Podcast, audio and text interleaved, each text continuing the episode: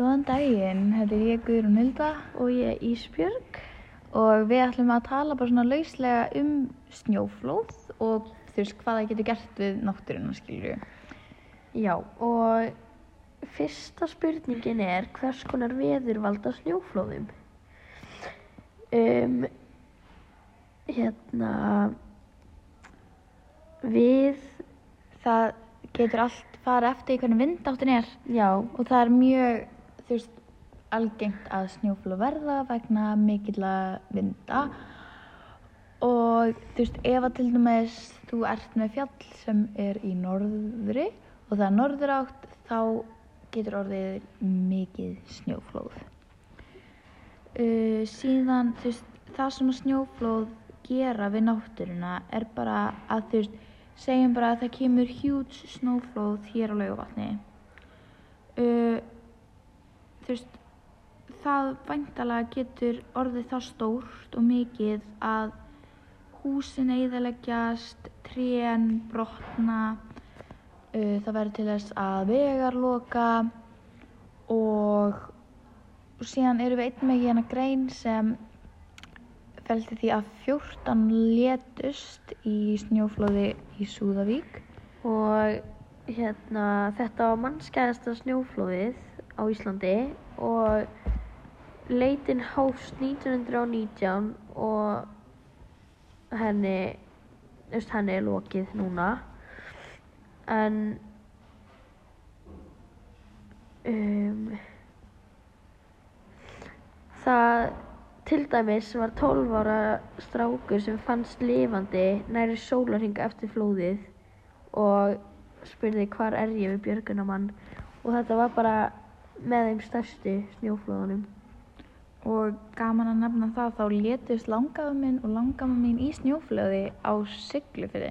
Nei, jú, jú. Siglufyrði. Já. Og já, það getur sagt orðið mörgsleis, fólk getur meðist og látist. Aðalega, þú veist, það gerist ofta fólk látist í snjóflóðum vegna þess að um, húsin verða grafin undir snjó og þá er vantilega engin leið fyrir þau út og þá bara látast þau oft í söfni ef að þú veist það er um næ- nætuna snjóflóði þá bara deyja þau basically í söfni eða bara kapna. já, og þetta er svona eitt af hættulegustu náttúruhamförum. á Íslandi. Já. En við erum hérna með aðra grein sem er frá veður.is sem heitir Slís og tjón af völdum snjóflóða og skriðufalla. En þetta er bara, það er bara verið að segja frá því að snjóflóð hafa valdið mörgum slísum og fjárhagslegu tjóni hér á landi. Mm, það kostar náttúrulega mjög mikið að byggja aftur upp. Já, þetta skemmir hús og bara alls konar byggingar. látast og Já, alls konar þannig. Þannig þetta hefur mikil áhrif. Já. Mjög.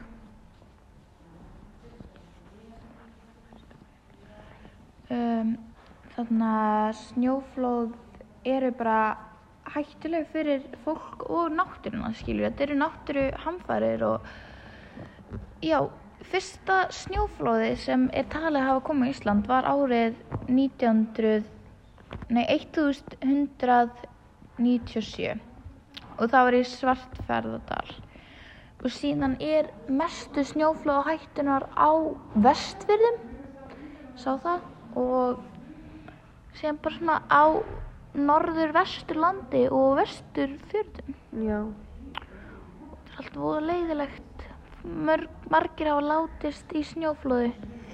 Og þetta er bara allt mismunandi eftir hversu stór og mikil snjóflóðin eru. Já. Og eins og hérna Flateyri, þá létust 26 manns. mm, Það er, mjög mikið. Mm, en mesta var á hérna Siglunissi, þá uh, létust 50 manns. Já, það er mjög mikill fjöldi Og 8 börn. þú veist, þetta er alveg hræðilegt og þú veist, dýr deyja og síðan deyr mannfólkið og þú veist, þetta eyðileggur voða mikið, þetta getur Skemmt samfélagið já, skemmt samfélagið, efnahagurinn fyrir bara rúst Já. og síðan bara þú veist þetta skemmir plöntur, tré, þú veist þetta getur eigðilagt bara náttúruna Já. ef þetta er mjög stórt og mikil, mikil snjóflóð. Mhm. Ok, herri, takk fyrir okkur. Já, takk fyrir.